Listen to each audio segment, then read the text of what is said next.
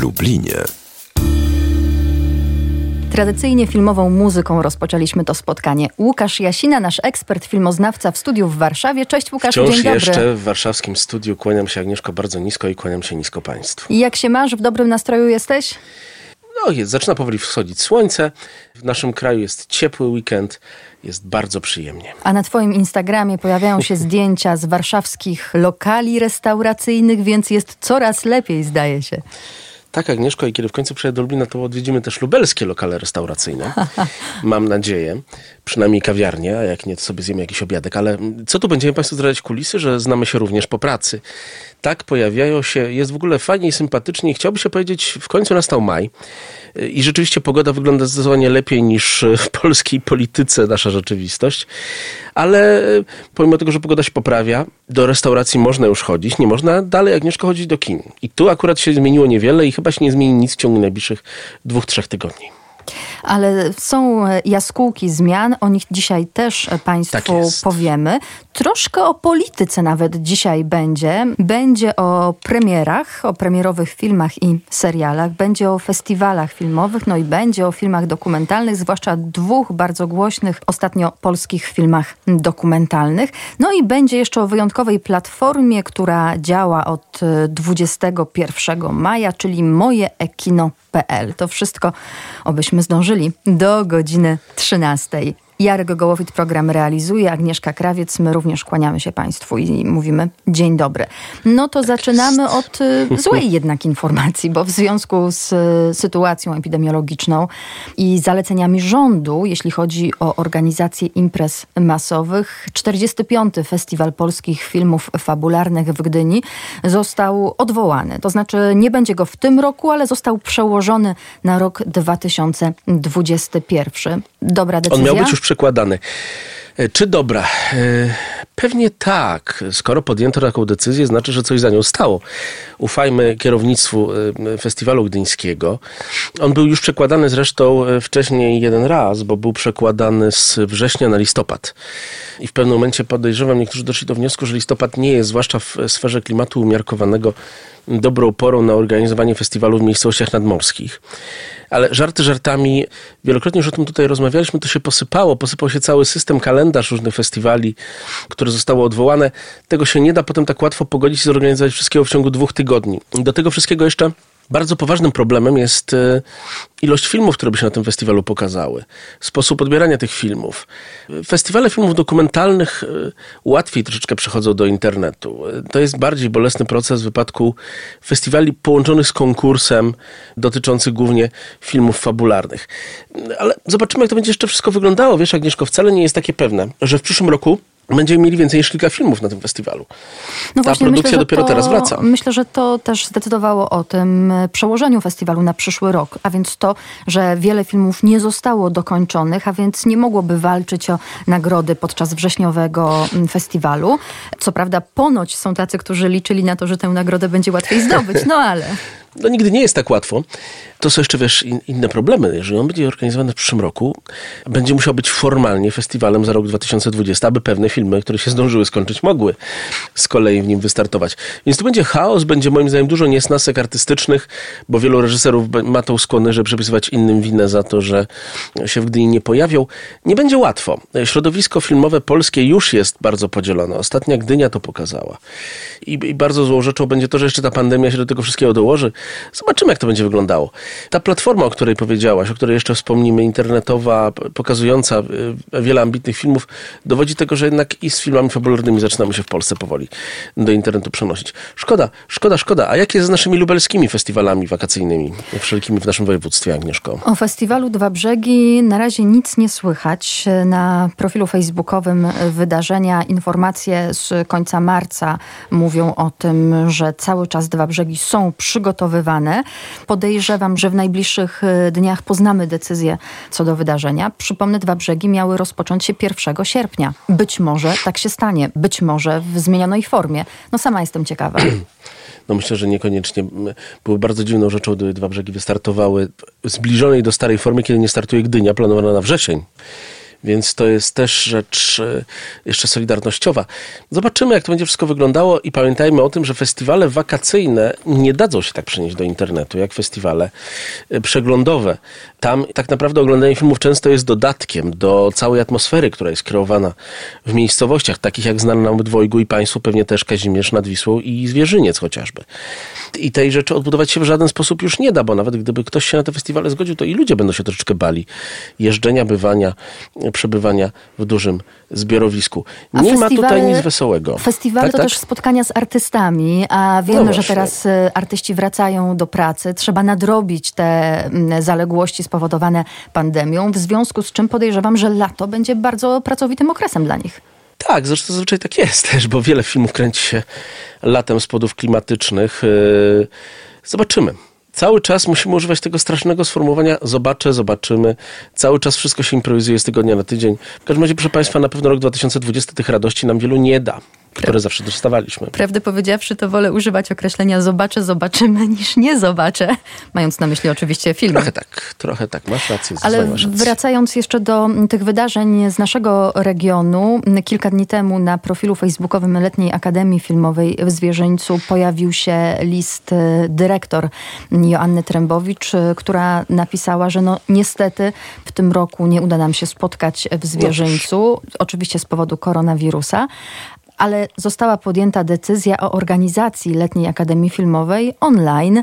Co prawda jeszcze nie ma szczegółów dotyczących tego wydarzenia, ale podejrzewam, że będzie to jakaś namiastka tego, co, co roku w Zwierzęcu się dzieje. Tak jest, ale jednak y, właśnie z uwagi na specyfikę festiwali letnich naprawdę namiastka. Tak jak y, w wypadku chociażby Krajowskiego Festiwalu Filmowego, który poszedł tutaj na, na pierwszy ogień z uwagi na jego lokalizację terminową w maju, to autentycznie jednak daje pewien przedsmak y, festiwalu, bo jest on festiwalem rozgrywającym się w mieście, i jednak poświęconym głównie obcowaniu z filmami dokumentalnymi, to ze Zwierzyńcem będzie już trochę gorzej, bo tam naprawdę połowa wszystkiego zasadza się na atmosferze. Ciekawa jestem, czy decyzja o przeniesieniu festiwalu y, ze Zwierzyńca do sieci była także w jakimś sensie spowodowana uchwałą y, radnych Zwierzyńca, o której ostatnio było bardzo głośno. Uchwała dotyczy tak zwanej ideologii LGBT.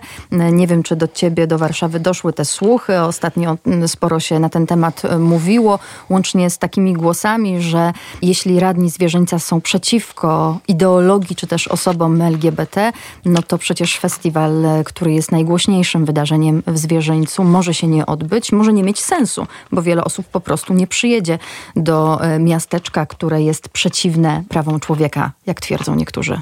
Y, wiadomo oczywiście, że to są kwestie odmiennych interpretacji, ale po pierwsze nie sądzę, żebyśmy... Jednak kwestia pandemii jest zdecydowanie ważniejsza niż, niż ta kwestia. Ponadto nie widać specjalnie, żeby też y, inne miejscowości Lubelszczyzny, które podejmowały podobne uchwały łącznie z samym y, z, z, z województwem, były tutaj specjalnie poszkodowane. Dalej współpracuje się z nimi. Nie ma co robić specjalnego cyrku wokół sprawy, która jest zarówno kompromitująca dla miasta, jak i dla sporej części ludzi, którzy chcieliby to miasto ustawiać. Więc e, Ale myślę, że nie chcieli, Niektórzy chcieli nastraszyć radnych zwierzęca, mówiąc, jeśli festiwal się nie odbędzie, to wszyscy na tym stracimy. My wszyscy w zwierzęcu, nie tylko wizerunkowo, także finansowo, a przecież wiadomo, że no cóż, jak widać... No i teraz będzie można sprawdzić, jak to jest. Jak teraz widać, Najwyższy, o ile istnieje, pokazał wszystkim, że są e, naprawdę poważne problemy, którymi trzeba się zajmować. Myślę, że zarówno radni, jak i wszyscy inni ludzie powinni z tego wyciągnąć nauczkę. Pogarane będą zresztą miasta, e, które takie uchwały podejmowały też lub nie. E, I tyle. A jeśli chodzi o festiwale, to z wielkimi krokami zbliża się krakowski festiwal filmowy. On no, rozpoczyna się 31 maja i mhm. naprawdę się rozpocznie, chociaż w internecie. I tak jak już mówiliśmy, tam to się uda. Kraków nigdy nie był miastem przesadnie atmosferowym, no jednak nie da się robić festiwalu z atmosferą wszechogarniającą w dużym mieście. Więc i warszawskie festiwale, i krakowskie tego nigdy nie miały. Gdynia jest zawsze jednak festiwalem głównie branżowym. To zupełnie inna sytuacja. I tam, ponieważ ludzie i tak starają się jakoś dystansować od swojej rzeczywistości, chodząc na te filmy, ta internetowa wersja może się nam opłacić, może się sprawdzić. Myślę, że da się to zrobić, o ile oczywiście da się też online rozwiązać e, kwestie spotkań z artystami, rozmów, e, oceny filmów, dyskusji po nich, bo to jest ta rzecz, bez której właściwie festiwal nie ma żaden kompletnie znaczenia. Zobaczymy, jak to będzie wszystko wyglądało. Organizatorzy na razie mówią, że to będzie możliwe. Ja trzymam za nim bardzo, bardzo mocno kciuki. Czy wiesz, że to już 60. krakowski festiwal filmowy? Jak najbardziej, jak najbardziej jest to przez długie lata zresztą jedyny polski festiwal, który zajmował elita, miejsce w elitarnej grupie festiwali filmowych, oczywiście tylko dokumentalnych. Polska nie była w stanie po wojnie podjąć wysiłku zorganizowania dużego festiwalu, choć mogła dostać przeli go Czesi, Karlowe Wary, ale w latach 50., gdy postanowiono zrobić duży, ważny festiwal międzynarodowy dotyczący kina dokumentalnego, Kraków był już tutaj pod ręką i od tej pory naprawdę jest to jedno z najważniejszych wydarzeń dla tego środowiska. I zarówno polski dokument jest bardzo dobry, jak i sam Kraków dawał zawsze bardzo dobrą atmosferę innym. Jest to notabene pierwszy duży międzynarodowy festiwal filmowy w swojej branży, w swoim gatunku, który w ogóle startuje w wersji online w tym czasie, bo pamiętajmy o tym, że jednak y, chociażby Cannes w tej sprawie nie wypaliło. Festiwal krakowski potrwa od 31 maja do 7 czerwca. Oczywiście w internecie już można kupować bilety i karnety, bo jednak e, filmy będą pokazywane odpłatnie, ale mm, uwaga, uwaga, cena jest naprawdę atrakcyjna i co prawda rzadko o pieniądzach w tym kontekście mówimy w naszej audycji, ale tutaj trzeba powiedzieć, no nie chodzimy do kina w tym momencie, nie płacimy za bilety, ale możemy zapłacić w internecie artystom i producentom, którzy filmy przygotowywali karnet, y, w ramach którego będzie można obejrzeć prawie 200 filmów na krakowskim festiwalu filmowym, kosztuje 60 zł, więc niedużo. To nie jest dużo, proszę Państwa, bo generalnie na, dopiero y, kiedy takie sytuacje się pojawiają, odkrywamy, jak dużo, jak niewiele pieniędzy kosztuje właściwie dostęp do tego typu kultury. No, my się też troszeczkę nauczyliśmy pewnych rzeczy za darmo. Ale okej, okay. Zobaczmy, jak ten format wypali. Ja jestem naprawdę dobrej myśli. Stowarzyszenie Kin Studyjnych powołało do życia największą, ponoć na świecie największą, platformę wirtualnych kin. Moje ekino.pl. Platforma łącząca kina. Na tej platformie jest kilkadziesiąt kin z całej Polski. To są takie osobne sale kinowe. No i wśród tych placówek jest również kino z Centrum Spotkania Kultur w Lublinie. Moje ekino.pl, tam trzeba się zalogować, zarejestrować wcześniej, potem wybieramy sobie na przykład film i wybieramy kino, w którym wirtualnie ten film będziemy oglądać. Filmy są e, odpłatne, no ale wiemy też, że w dużej mierze płacimy nie tylko za filmy mm, uznane i nagradzane, ale za zupełnie premierowe filmy, które pokazywane były albo miały być pokazywane na tegorocznych najważniejszych światowych festiwalach. Co sądzisz o platformie mojeekino.pl? Bardzo jestem zadowolony, że jest tam lubelskie kino, choć byłoby dobrze, by tam jeszcze była cholerka jasna chatka Żaka.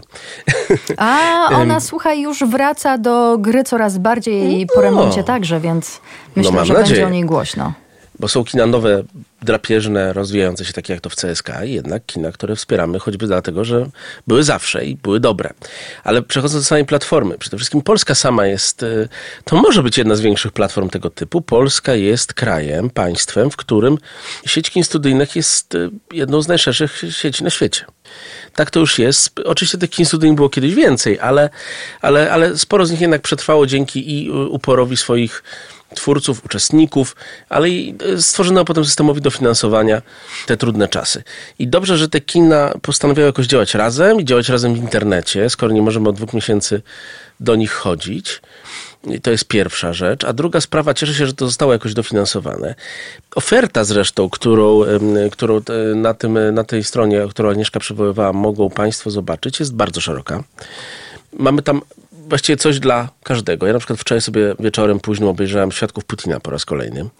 Dokument o początkach władzy Władimira Putina. Więc mamy tam Państwo mniej więcej te filmy, które też często omawialiśmy z Agnieszką w ubiegłym roku. E, kina realizowane, e, filmy realizowane w małych krajach. Myślę, że tego będzie więcej też. Pamiętajmy o skomplikowanych kwestiach uzyskiwania praw autorskich do filmów, ale biorąc pod uwagę też tą specyfikę, jaką jest kino studyjne, tego będzie naprawdę sporo i myślę, że mamy do czynienia z takim małym polskim Netflixem. Bardzo dumny jestem z tego, że to powstało. taki wyselekcjonowany mocno Netflix, dlatego że przede wszystkim na tej mojeekino.pl, na tej platformie dostępne będą filmy z zakresu tak zwanego kina artystycznego, autorskiego, także gatunkowego. A jeśli rozrywka, to jak zapowiadają organizatorzy, ta bardziej ambitna rozrywka. Więc y, myślę, że to może w jakimś sensie różnić moje ekino od y, zwykłych platform VOD. Co ważne, część filmów wyświetlanych będzie z audiodeskrypcją i napisami dla osób niedosłyszących, więc osoby z tymi niepełnosprawnościami mogą także korzystać z tej platformy. No i jeszcze jedna informacja, ponieważ mówimy o wspieraniu naszych lokalnych kin, to w ten sposób kupując bilet w danym kinie, bo możemy sobie oczywiście wybrać, czy to będzie kino nasze lubelskie, czy warszawskie, czy poznańskie, czy wrocławskie, e, to wspieramy także finansowo e, nasze kino, więc to kino. Więc myślę, że to też jest ważny argument. Tak, w kinach pojawiły się zresztą takie koncepty podobne do zawieszonej kawy, prawda, czyli kupowanie mm -hmm. karnetów, biletów różnego rodzaju. Chcemy mieć jakiś namacalny związek z, właśnie z kinem, z miejscem, również elektroniczny. To się, to się udaje. Na przykład y, wspieram dogrywające ciągle wielkie zasłużone kino pod Baranami w Krakowie, bo poprzez nich loguję się na platformę Mubi. To jest taka platforma wybitnych filmów organizowana przez, no, przez y, amerykańskie instytucje. Mm, teraz też pewnie będę wspierał. Więc proszę Państwa, to jest forma okazywania patriotyzmu. Nie możemy kupić y, przekąsek, nie możemy kupić biletów. Wspierajmy w ten sposób kino, do którego jesteśmy jakoś przyzwyczajeni, bo myślę, że kinoman ma takie kino prawie zawsze. Ja w Lublinie do CSK chodzi chodzić nigdy nie zdążyłem, bo nie mieszkałem już w mieście naszym pięknym, kiedy to kino powstało. Nigdy w nim nie byłem, ale jestem na przykład bardzo przyzwyczajony i do Chatki Żaka, którą wspomniałem, ale też i do przedsięwzięcia komercyjnego, które oscyluje na pograniczu kina studyjnego, czyli kina bajka, prawda? Te kina wspieramy, mówimy o nich też często w naszej audycji, co też jest jakąś formą wsparcia.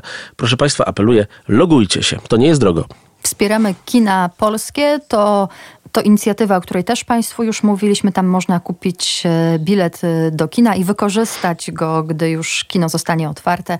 A na ostatnich zdjęciach ze wspomnianego przez Ciebie kina Bajka widziałam remontowany hol e, tego kina, więc Bajka przygotowuje się na widzów. I kto wie, może za parę tygodni już będzie można pójść oficjalnie i legalnie do kina, oczywiście zachowując wszelkiego rodzaju reżim sanitarny. Teraz na antenie Radia Lublin powiemy o dwóch głośnych filmach dokumentalnych, które można było w ostatnim czasie zobaczyć. Pierwszy z nich to kolejny dokumentalny film braci Sekielskich opowiadający o pedofilii w Kościele katolickim w Polsce. Można powiedzieć, że to jest kontynuacja tematu podjętego przez Sekielskich w poprzednim filmie i w poprzednim roku w filmie Tylko nie mów nikomu. Ten film nowy nosi tytuł Zabawa wchowanego. No i tym razem twórcy y, skupiają się na historii historii braci, którzy byli wykorzystywani seksualnie przez księdza. W filmie pojawia się też bardzo ważna postać konkretnego biskupa, który przez cały czas krył kapelana. Skargi na duchownego wpływały z wielu miejscowości. Kapłan przyznał się do winy przed rodzicami jednej z ofiar, ale i tak sprawa wydaje się nierozwiązana. Jak odebrałeś film Zabawa wchowanego, Łukaszu? Nie jest to film tak mocny i tak poruszający jak e, jego część pierwsza. No bo też stracił, e, w, jeśli tak. chodzi o zaskoczenie. Też oczywiście kwestia e, roku, w którym to się rozgrywa. No, większość Polaków ma inne sprawy na głowie w tym momencie. Łącznie z inteligencją, którą ma na głowie wybory prezydenckie i różnego rodzaju wydarzenia tego typu. Nie ma tam też mocnych nazwisk, bo biskup Napierała z Kalisza nie jest znaną, rozpoznawalną postacią co rekompensuje oczywiście sama historia, która jest bardzo ostra. Ale Adrem jest to film w dalszym ciągu bardzo poruszający i w dalszym ciągu pokazujący, jak działająca w sposób korporacyjny najważniejsza instytucja religijna w Polsce sobie z tym problemem nie radzi. Ona wprawdzie pewne lekcje, mówię o Kościele, ta instytucja odrobiła i, i choćby formalna reakcja prymasa i, i, i, wielu innych jego przedstawicieli była bardzo ostra w dniu pojawienia się tego filmu, ale to jest po prostu nauczenie się kwestii zarządzania PR-owego, ale już nie całej reszty. Y, śmiechem, żartem, y, jest to film duży, ważny, ale nie odgrywa już tak mocnej roli. Zobaczymy, jak będą wyglądały kolejne odsłony projektu Braci Sekielskich, chociażby szykowany przez nich film dotyczący świętego Jana Pawła II. Zobaczymy. Moim zdaniem atutem tego filmu i różnicą e, w stosunku do poprzedniego jest właśnie fakt e, wskazywania bardzo konkretnych postaci. No i po raz pierwszy biskupa, który tuszował e, sprawy pedofilii. Więc to już jest nazywanie rzeczy po imieniu i wskazywanie winnych. A tak było też już w poprzednim filmie, więc to na szczęście się nie zmieniło, to trwa. Ale po raz pierwszy ten film jest zestawiony z zupełnie innym filmem. Mam na myśli y, puszczony y, kilka dni temu w TVP, ale później też w innych stacjach telewizyjnych film Sylwestra Latkowskiego y, oskarżający o pedofilię przedstawicieli innych środowisk. Film bez wątpienia gorszy w sensie realizacyjnym. Film, który nie jest w stanie sformułować ostrych oskarżeń, który trochę bazuje też na książce wydanej cztery lata temu przez dwoje dziennikarzy Gdańskiej Trójmiejskiej Gazety Wyborczej dotyczącej pedofila, który znalazł sobie jako predator miejsce do łowów w różnego rodzaju klubach, które miasta, pokazujący też zresztą bardzo tragiczną sytuację dzieci, których, o których kompletnie nikt się nie upominał i których nikt nie dbał. Sam film gorszy, ale miotający y, też pewnymi oskarżeniami bez podstawy, bo choćby wobec Krzysztofa Zanussiego nie mamy żadnych podstaw, aby formalnie Krzysztofa Zanussiego o to oskarżać, a przecież jest nie mają niewinności. Te dwa filmy się zbiegły i paradoksalnie, pomimo tego, że pierwszy z nich, film Braci Sekielskich, jest mi bliższy, jest lepszy, y, obydwa dowodzą tego, że w Polsce nie da się już żadnej formy tego typu wykorzystywania zamieść pod dywan. I że wiele środowisk ma coś na sumieniu, bo środowiska jak to środowiska chronią przede wszystkim swoich uczestników, swoich członków, ludzi, o których dbają. Trochę jak Vito Corleone, który zawsze dbał o członków swojej mafii. I to jest takie dość przerażające, kiedy się myśli o tym, że od 30 lat żyjemy w wolnym kraju i prokuratura i sądy sobie z tamkimi problemami kompletnie nie radzą. Po filmie dokumentalnym Sylwestra Latkowskiego pojawiły się już e, pierwsze głosy, pierwsze ostre reakcje tak zwanych celebrytów. Chodzi o to, że wiele osób poczuło się pomówionych filmem bez dowodów. Pojawiają się argumenty w stylu owszem, bywałem w tym miejscu, w końcu jest to no, jakaś wizytówka Sopotu, miejsce nie tylko rozrywki, ale i miejsce kultury, ale to nie znaczy, że coś widziałem, wiedziałem, milczałem, albo że byłem świadkiem, albo że wręcz byłem w to wszystko uwikłany. Nazwiska pojawiają się w filmie, ale pojawiły się też w dyskusji na żywo po e, filmie i to zdecydowanie głośniej wypowiedziane przez Sylwestra Latkowskiego. I powiem ci szczerze, że wcale się nie dziwię, że ludzie są oburzeni.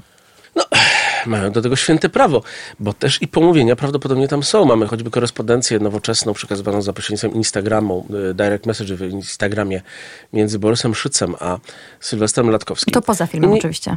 Tak jest. Niemniej oczywiście ta sprawa jest i... Yy, rzeczą niedobrą jest, pan Latkowski no, nie, nie, przygotował się do zrobienia tego filmu tak jak Sekielscy. Ale reakcja jest bardzo podobna i myślę, że była podobna, gdyby tych dowodów było nawet więcej. No, ludzie od razu odrzucają pewne oskarżenia, nie lubią generalizacji. No, w pewnym sensie jest to też pewna sprawiedliwość, bo na pewno Kościół nie jest jedyną organizacją w Polsce, która takie rzeczy kryje. Na pewno nie jest też jakimś e, jedynym siedliskiem tego typu zbrodniarzy, ale e, i to powinno dotykać wszystkich. Niemniej ja liczę na to, że poza takimi filmami, lepszymi lub gorszymi, prędzej czy później pojawi się coś, co jest zdecydowanie ważniejsze, czyli reakcja odpowiednich organów wymiaru sprawiedliwości. No właśnie, to jest chyba pytanie, które trzeba sobie zadać. Dlaczego w ciągu kilku lat posiadania wiedzy o tym, tak w co zamieszana jest Zatoka Sztuki. Dlaczego e, nic się nie zadziało? Sprawa wyszła w 2015 roku. Pojawiały się wtedy artykuły, potem pojawiła się wspomniana przez ciebie książka zatytułowana zresztą Zatoka Świń.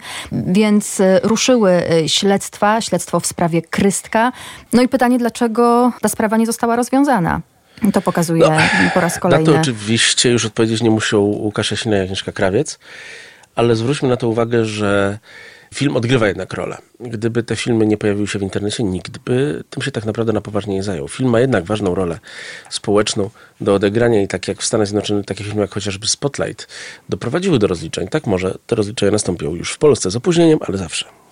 A ufasz e, Sylwestrowi Latkowskiemu jako dokumentaliście, człowiekowi, który wchodzi, żąda, chce, domaga się, który potem mówi, co chce, nie zważając e, na to. No, no Sylwester no Latkowski jest osobą bardzo trudną, kontrowersyjną. No, on miał pewną jednak rolę. siedział wyrok w więzieniu.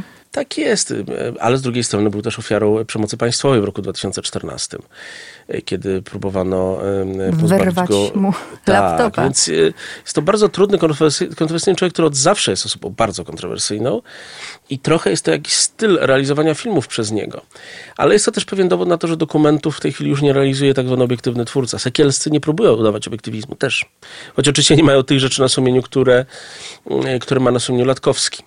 E, dokument jest w tej chwili elementem walki o sprawę, e, elementem walki o prawdę.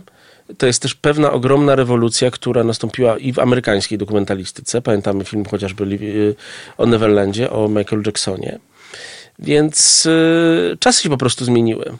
I to jest też pewien asumpt do krakowskiego festiwalu filmowego, o którym mówiliśmy w poprzedniej części tej audycji. Tam jednak starano się pokazywać filmy w taki bardzo narracyjny, obiektywny sposób przedstawiające rzeczywistość. Jak widać, e, być może dla, dla nich nie ma już teraz miejsca w naszym dyskursie publicznym. Dwa ważne polskie filmy, ważne bez względu na to, jakie tak wrażenia wywołują, jakie opinie mamy o konkretnych sytuacjach, czyli film braci Sekielskich Zabawa wchowanego i film Sylwestra Latkowskiego Nic się nie stało. Tak, zastanawiam się, czy na fali wydarzeń z minionego tygodnia dotyczących trójki polskiego radia powstanie o tym, co się teraz dzieje wokół trójki, film dokumentalny. Jak sądzisz, Łukaszu? Już zależy, kto go będzie robił. Jedni zrobią taki film dokumentalny o trójce, A, czyli, będzie, czyli będą i to film. nawet w liczbie mnogiej. Tak, bo myślę, że, że tu już się pojawiają różne narracje. Zresztą i w, choćby w tak zwanej narracji opozycyjnej też się pojawiają podnarracje. O, pamiętaj, że jest jeszcze decyzja, które odejście było słuszniejsze, czy to w 2016, 17, 18, czy teraz. Y, już się tam, tam są takie małe wzajemne rozliczenia. Michał Nogaś mocno rozlicza tych, którzy odeszli dopiero teraz. Okej, okay. czy to jest sprawa godna filmu dokumentalnego? Każda sprawa jest godna filmu dokumentalnego. Ja bym jednak chciał, Agnieszko, żeby powstały takie dobre, obiektywne filmy wyjaśniające to wszystko z kontekstu, y, tak jak robiła to dobra polska dokumentalistyka. Na przykład nie sądzę, żeby w najbliższym czasie trójka, y, sytuacja w trójce zaowocowała film, filmem tak zwanym obiektywnym, o ile to jest w ogóle możliwe do zrealizowania. A tymczasem w nawiązaniu do afery w Trójce możemy Państwu y, przypomnieć film, który polecaliśmy kilka miesięcy temu, Kult Film, czyli dokument o zespole Kult Kazika Staszewskiego. Tak jest I, i mówiliśmy o tym, mówiłem o tym też w innych audycjach. Kazik Staszewski jest ikoniczną i ważną postacią naszej kultury. Postacią, która zresztą przez kilka ostatnich lat była raczej po stronie rządowej. Człowiekiem, który opisywał w swoich e, piosenkach bardzo trudne lata 80., 90. i późniejszy okres. E, niezwykle ważnym i ciekawym twórcą, który i teraz e, uprawia publicystykę polityczną w swoich, w swoich, film, w swoich piosenkach. Nie jest to nic nowego. Kazika pozdrawiamy liczymy na więcej. Teraz będzie urodzinowo. Zbigniew Preisner, kompozytor muzyki filmowej do ponad 80 filmów i wielu spektakli teatralnych, znany ze współpracy z Krzysztofem Kieślowskim, Agnieszką Holland, skończył 65 lat. Wszystkiego najlepszego. E, I życzymy kolejnych 65, oczywiście, o ile to jest możliwe. Zbigniew Preisner, twórca wielki, człowiek nie mający wykształcenia muzycznego, a mimo tego wielki muzyk, wielki kompozytor. Studiował który... historię i filozofię. Tak jest. Uczył się tej muzyki sam. Pierwsza jego ścieżka to film Antoniego Krauzego, Prognoza Pogody. Jest na, na Netflixie, proszę Państwa, można go obejrzeć. Jeden z najlepszych polskich filmów historycznych, pokazujących taką rzeczywistość, a potem już oczywiście wielkie dzieła do twórczości, e, wielkie ścieżki dźwiękowe do twórczości Kieślowskiego chociażby, dzięki którym Zbigniew Preisner został kompozytorem znanym i rozpoznawalnym na całym świecie. E, od dawna Zbigniew Preisner już tak wiele nie tworzy, on się trochę zamknął w, mm, w swojej rzeczywistości. Koncertuje oczywiście dalej, ale nie, nie daje już nam wielu dzieł. Byłoby fajnie, jakby Zbigniew Preisner znowu zaczął. Przypomnijmy, napisał muzykę do ponad 80 filmów fabularnych, dokumentalnych i krótkometrażowych. Za twórczość został uhonorowany wieloma prestiżowymi nagrodami. Między innymi otrzymał e, Los Angeles Critics Award, tytuł kompozytora roku 91, 2 i 3, właśnie w Los Angeles. Złotą płytę w Paryżu za nagranie muzyki do filmu Podwójne życie Weroniki w reżyserii Krzysztofa Kieślowskiego. Dwukrotnie Cezara francuskiej Akademii Filmowej. Dostał także srebrny Srebrnego Niedźwiedzia za muzykę do Wyspy przy ulicy Ptasiej w reżyserii Sorena Krak-Jakobsena, to na berlińskim festiwalu uh mhm. -huh. filmowym. No trochę tych nagród było, co pokazuje też zresztą, że współpracował nie tylko y, z polskimi artystami. A co ciekawe, na przykład mm, w 2005 roku został wybrany przez Davida Gilmura z Pink Floyd do nowych aranżacji jego dziewięciu piosenek na 40-osobową orkiestrę smyczkową. Płyta Gilmura On an Island z aranżacjami polskiego kompozytora ukazała się w 2006 roku. A trasa mm, e, Pink Floyd skończyła się koncertem w Stoczni Gdańskiej. Preisner dyrygował wtedy sekcją smyczkową Orkiestry Polskiej Filharmonii Bałtyckiej bardzo ciekawe i na pewno bardzo dobrze wykonane. Zwłaszcza, że jest to bardzo dobra filharmonia na Łowiance. Panie Zbigniewie, jeszcze raz powtórzę to, co powiedziałem. Proszę o nowe kompozycje. Tradycyjnie w magazynie w kinie w Lublinie pytam Cię, Łukaszu, o to, co ciekawego widziałeś w minionym tygodniu. W tym tygodniu oglądałem Wielką. To jest y, komediowa wersja życia, oczywiście bardzo niezgodna z historią cesarzowej, przyszłej cesarzowej Katarzyny II w której jej męża Pawła gra chociażby Nicholas Holt, znany z Faworyty i to jest zresztą też pisane przez scenarzystów filmu Faworyta, o którym tutaj rozmawialiśmy. Bardzo Państwu ten serial rekomenduję, jak również rekomendowałem go Agnieszce Krawiec. Obejrzałam dwa pierwsze odcinki, no i muszę powiedzieć, że to poczucie humoru mi odpowiada. Takie przede wszystkim klasyczne brytyjskie e, poczucie humoru, takie mm, w stylu Rowana Atkinsona i Hugh Lauriego w, w, w Żmii. Tak, jednak brytyjskie poczucie humoru jest czymś, co bardzo lubimy i cenimy, co jednak wytworzyło pewien pozytywny też snobizm na ironiczny, ciemny humor. Ten serial Państwu rekomenduję, ale proszę broń Boże nie uważajcie, że jest tam cokolwiek prawdziwego, jeżeli chodzi o Katarzynę II. Momentami trzeba też przyznać, że te różne gagi są e, głupawe. ale tylko e, momentami. Jest jakieś przerysowanie, jest trochę może stereotypów e, z XVIII wieku, ale ogląda się to bardzo dobrze, można się uśmiechnąć, no i odnosi się w jakimś kontekście do współczesności, to znaczy wiele tych wątków można by dzisiaj przedstawić e, w odpowiednim świetle, na przykład zastanawiając się, jaka jest rola kobiet i czy one powinny czytać i mieć inne prawa, czy jednak nie. I to jest rzecz, na którą jest trudno odpowiedzieć ale kobiety na szczęście sobie zawsze z tym znakomicie radziły i przebijały się same. Moim zdaniem odpowiedź jest jednoznaczna, no ale niech ci będzie. Film, e, właściwie serial komediowy Wielka jest już na HBO, a jeśli jesteśmy przy Katarzynie, to e, możemy przypomnieć jeszcze o filmie, o którym wspominaliśmy, z Helen Mirren w roli głównej realizowanym też zresztą przez HBO. Filmem, który jest znacznie lepszy, jeżeli chodzi o kwestie polityczne, ale też nie do końca jest zgodny z rzeczywistością. Helen Mirren ma bowiem około 30 lat więcej niż Katarzyna w tym filmie. Choć Helen Mirren wygląda doskonale. W filmie mm, Wielka Katarzynę zagrała Elle Fanning, która ma, sprawdziłam, zaledwie 22 lata. Tam to się chociaż to zgadza. Kwestia wieku. Co jeszcze widziałeś w minionym tygodniu, Łukaszu? To właściwie tyle, bo miałem dużo pracy. Też jestem czasami jednak pismowcem, czyli analitykiem spraw międzynarodowych, ale polecam Państwu chociażby bardzo dobry dokument na HBO o Stevenie Spielbergu, trwający ponad dwie godziny, pokazujący wielką twórczość tego reżysera. To było właściwie na tyle. Dawno tak mało nie oglądałem, ale przyszły tydzień będzie troszkę łagodniejszy. Moja praca jest jeszcze ciągle unieczynniona, proszę Państwa, dalej mogę robić online, to jest cudo. A ja obejrzałam e, film Jezioro Dzikich Gęsi. Jezioro... Jak? Film, który premierę miał w ubiegłym roku na festiwalu w Cannes, zresztą walczył o główną nagrodę. Film chińskiego reżysera Diao Yinana. Chociaż po wysłuchaniu tak, całego filmu stwierdzam, że kompletnie nie wiem jednak, e, jak wymawiać e, chińskie słowa, także chińskie imiona i nazwiska. Historia jest dość ciekawa. Można powiedzieć w jakimś sensie, że jest to film kryminalny, chociaż e, nie do końca. Mamy tam gangstera, który wpada w tarapaty po tym, jak omyłkowo zastrzelił policjanta, chociaż sprawa tak naprawdę rozpoczęła się wcześniej. Staje się ruchomym celem, jedyną szansą dla niego jest jest y, ucieczka mm, i tutaj pomaga mu miejscowa prostytutka, która ma być swoistym łącznikiem ze światem. Potem sprawa się rozwija, pojawia się żona mężczyzny, cały czas mamy do czynienia z pogonią, ale jest tam coś jeszcze. Pojawiają się oczywiście retrospekcje. Co ważne, reżyser myli tropy, wprowadzi widza po różnych ścieżkach. Trudno odgadnąć, jaki będzie finał tego filmu.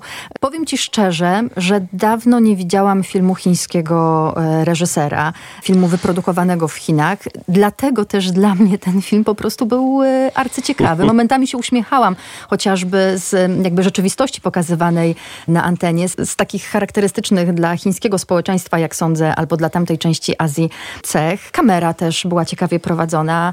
Trochę inny świat przedstawiony i choćby dlatego ten film Jezioro Dzikich Gęsi warto zobaczyć. Tak, to prawda. Ja w ogóle zawsze będę Państwu rekomendował kino azjatyckie, bo to jest kino pokazujące oczywiście trochę inny świat, trochę inne sposoby, ale kino jednak do nas zbliżone. Notabene w ten weekend, proszę Państwa, dzisiaj nawet, leci, zdaje się, w jednej z telewizji Parasite. Może ci z Państwa, którzy y, nie obejrzeli ciągle najlepszego filmu roku, który jednak wodzi się z kina azjatyckiego, będą w stanie ten film obejrzeć. No ale Parasite zdecydowanie e, bliższy jest e, europejskiemu widzowi czy amerykańskiemu widzowi niż Jezioro Dzikich Gęsi. To prawda, bo to jest jednak kino łączone z amerykańskim kinem tego typu. No cóż, e, warto wiedzieć, że kino azjatyckie jest też bardzo różne i staje się w tej chwili chyba jednym z najlepszych kin świata. To zresztą jest taka sytuacja, która już od kilkunastu lat powoli narasta. Łukaszu, bardzo Ci dziękuję za rozmowę. Ja tu, Agnieszko, chyba równie mocno. Proszę Państwa, jest szansa, że za jakieś, jak to sobie wyliczaliśmy, za nawet za dwa lub trzy tygodnie się nawet zobaczymy na żywo. W czerwcu. Miejmy nadzieję, Pójdziemy że w czerwcu się zobaczymy. Tak. A tymczasem polecamy Państwu nasz profil facebookowy w kinie w Lublinie. Tam też e, piszemy o filmach, tak które ostatnio widzieliśmy, o serialach. E, polecimy Państwu kilka tytułów, więc proszę obserwować to, co dzieje się na profilu facebookowym audycji w kinie w Lublinie. A cały zapis naszej e, rozmowy na platformie Spotify. Łukasz Jasina z Warszawy. Agnieszka Krawiec z Lublina. Jarek Gołofit spod Lublina. Dziękujemy za uwagę. Do usłyszenia. Dobrej niedzieli.